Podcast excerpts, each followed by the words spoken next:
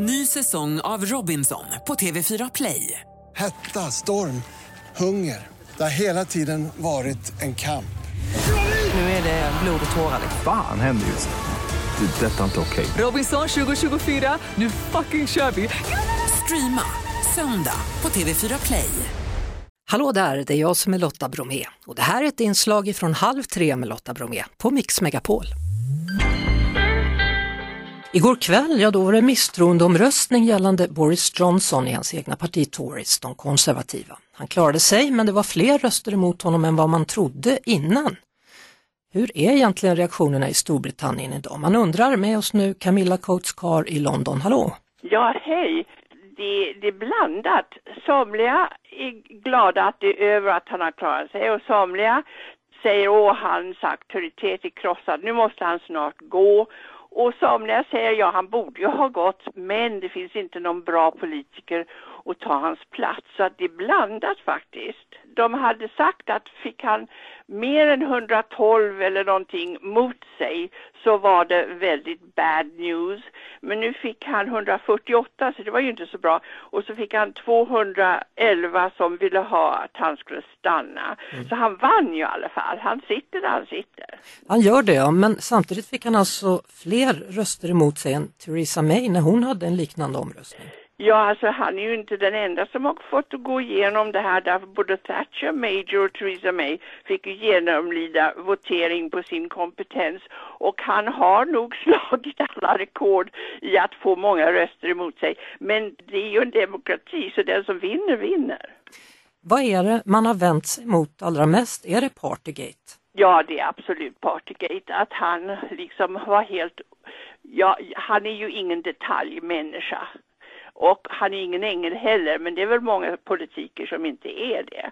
Men, men det är Partygate. De som är för honom säger, ja men titta, han lyckades vara mayor of London i två omgångar, han fick Brexit igenom, han har kommit ut med den fortaste covid-vaccineringen, han har ställt upp för Ukraina mer och först av alla.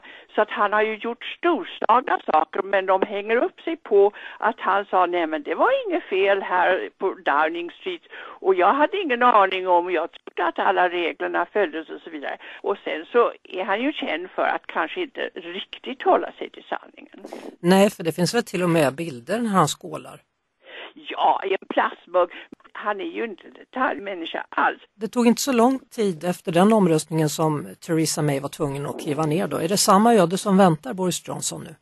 Ja, de säger ju att hans auktoritet är krossad och att det dröjer inte länge när han måste avgå och så vidare. Men de har ju sagt så mycket förut som inte har blivit sant. Så att man får ju bara vänta och se. Men pundet har i alla fall trots allt gått upp idag.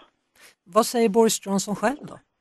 Ja, han har faktiskt sagt att han var glad åt resultatet och att han tyckte att det var bra för landet och för politiken och nu kunde regeringen koncentrera sig på det som var viktigt för folket. Och rubrikerna i tidningarna, vad står det i dem? Det står till exempel Hollow Victory tears Tories apart. Ihålig seger sliter Conservatives isär. Det var det. Vi hörs såklart igen på Mix Megapol varje eftermiddag vid halv tre. Ett poddtips från Podplay. I podden Något Kaiko garanterar östgötarna Brutti och jag, Davva, dig en stor dos skratt. Där följer jag pladask för köttätandet igen. Man är lite som en jävla vampyr. Man har fått lite blodsmak och då måste man ha mer. Udda spaningar, fängslande anekdoter och en och annan arg rant. Jag måste ha mitt kaffe på morgonen för annars är jag ingen trevlig människa. Då är du ingen trevlig människa, punkt. Något Kaiko, hör du på Podplay. Därför är gardinerna.